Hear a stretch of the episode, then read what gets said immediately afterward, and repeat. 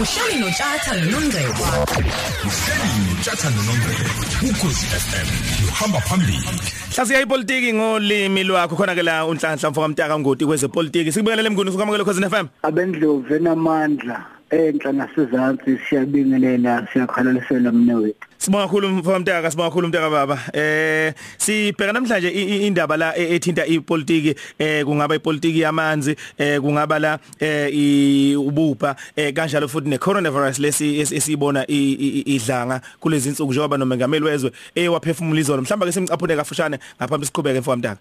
It is now clear that no country is immune from the disease or will be spared its severe impact. Never before in the history of our democracy has our country been confronted with such a severe situation.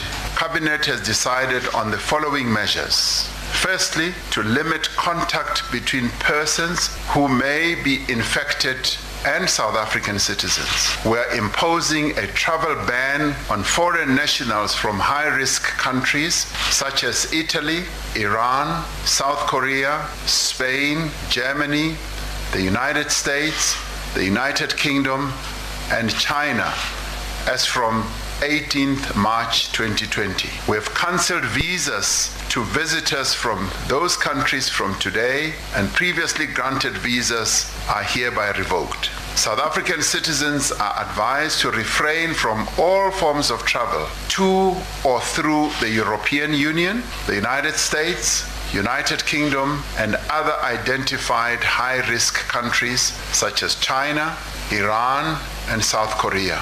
This is effective immediately. Hmm eh uPaul kanje umengameli wezwe izolo. Mhlambe mfomntaka singathini uma ngabe sibheka siqale mhlambe ngandaba esiyendlale ngayo sithi sibheka indaba yamanzi sibheka indaba ubupha kanjalo necorona naye. Sibona sengazi ukuthi iza nezinkulu inkinga lezi. Asiqale samukele ukuthi obekushiwo umengameli bekufanele akusho. Omengameli kanjalo nababusi bamazwe ehlukene bakhuluma njengaye ngenxa inkinga lesisifo esiyidalile kubantu nasemnothweni nje wabantu jikelele.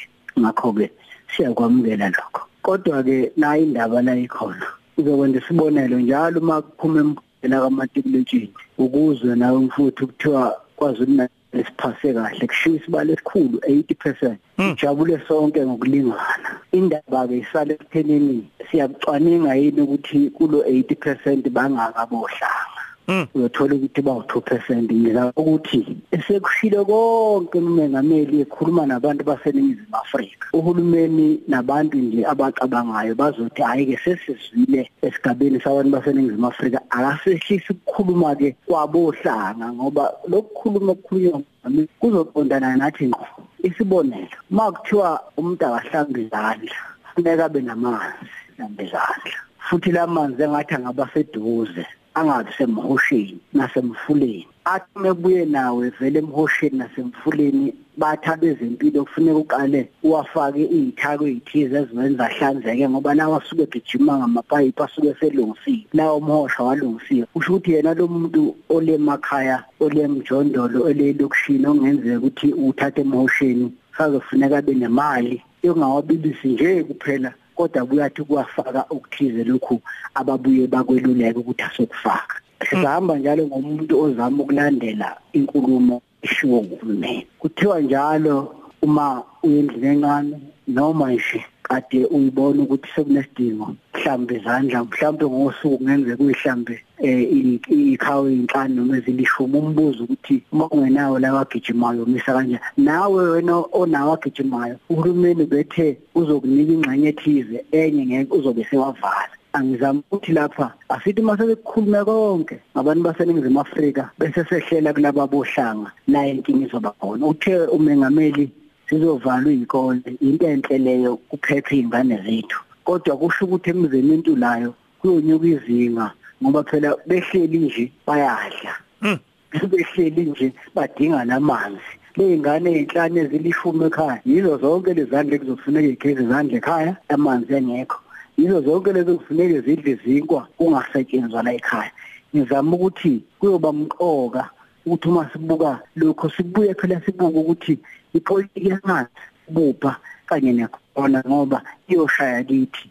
Nasike isixazululo esingasenza umbono wami Yeah, eh umfowona majalimane khona la. Eh mfoka mntaka, eh ubukade mfethu usakhuluma ngendaba ke ethinta isixazululo siyayibona nazi inkinga zithephe. abohlanga sebewuphulile nje imithetho bengaqondile uthe umingameli akufuneka abantu abayikhulu okwangobe bahlangana endaweni eyodwa Mm.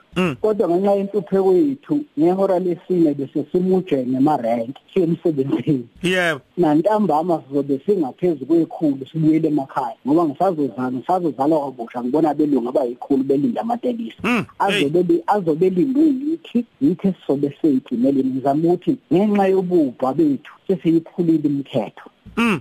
Khuluma ngama-south african mina ngikhuluma ngabohlanga ukuthi siyiphula ngenxa yendlala yethu siyiphula ngoba sinamanzi siyiphula ngoba sinagesi siyiphula ngoba sinqalazinda siyiphula ngoba sinayo imisebenzi. Uyabona kunabantu okuzothiwa namhlanje ake bayosebenzela ekhaya ngemishini bathumele ngamakhompyutha umsebenzi. Abohlanga bekho la bona kuyofuneka bavuke ngakusasa mengameli baye emsebenzini beyinkulungwane ulayini. Nasi isixazululo umbono wami lo. Esokuqala wonke amabandla njengoba ehlala eqoqela iminikelo nje akenze okusukile kulokhu angaqoqeli imfundisi aqoqele icorona. Ake kube ne- nesoso nje lishawele ukuthi wonke amabandla kanjalo namalungu ahambelela amabandla ngoba bake bayathatha imali yokugcina yofaka esontweni ngoba ethi iyacela into enhle leyo siba abantu abaqhubeke uma bekholwa yilokho. Kodwa sithi kulokhu ake ibandla libuyise emphakathini. Ake kube neminikelo wonke lamabandla agcwele namatende nazonke izakhiwo ake kushaywe phansi ukuze bonke abantu laba abangenazo izinto zokuthenga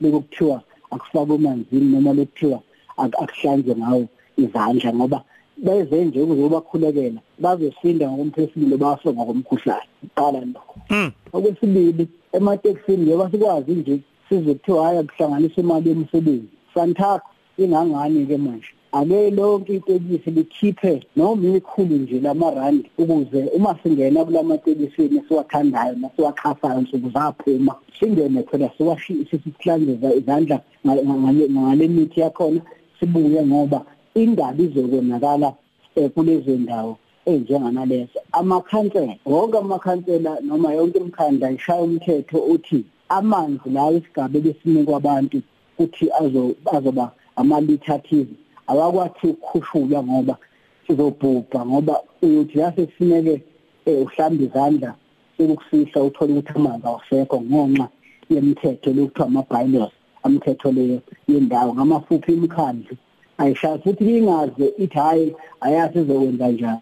Umnomzana intawu kuzwelonke bakwa-cocta owusela ngqongqoshe sewusayinile umthetho kuthiwa i-disaster.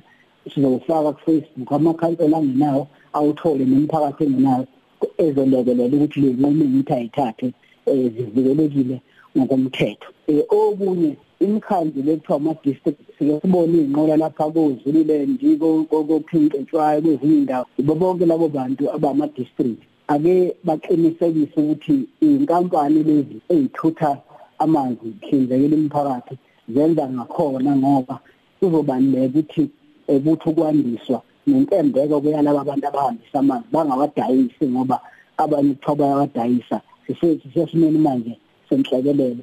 Kanjalo-ke nale y'nkampani lezi ey'hlinzeka amanzi omhlathuze water ngikhuluma ngezwazulu natala ngibazi abanye.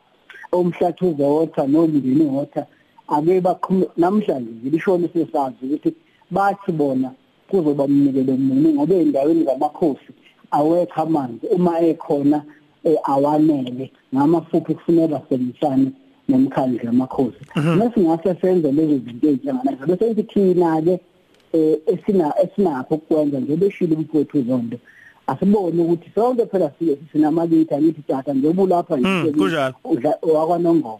Bungesebenzisa amandla akho nawe ufake imadlana ukuthi ngakini sonke ifake ngoba ikhona imindeni ezothi noma ithi yazama ufuna ukulalela umengameli kodwa ngenxa yesimo sayo ingakwazi ukwenza.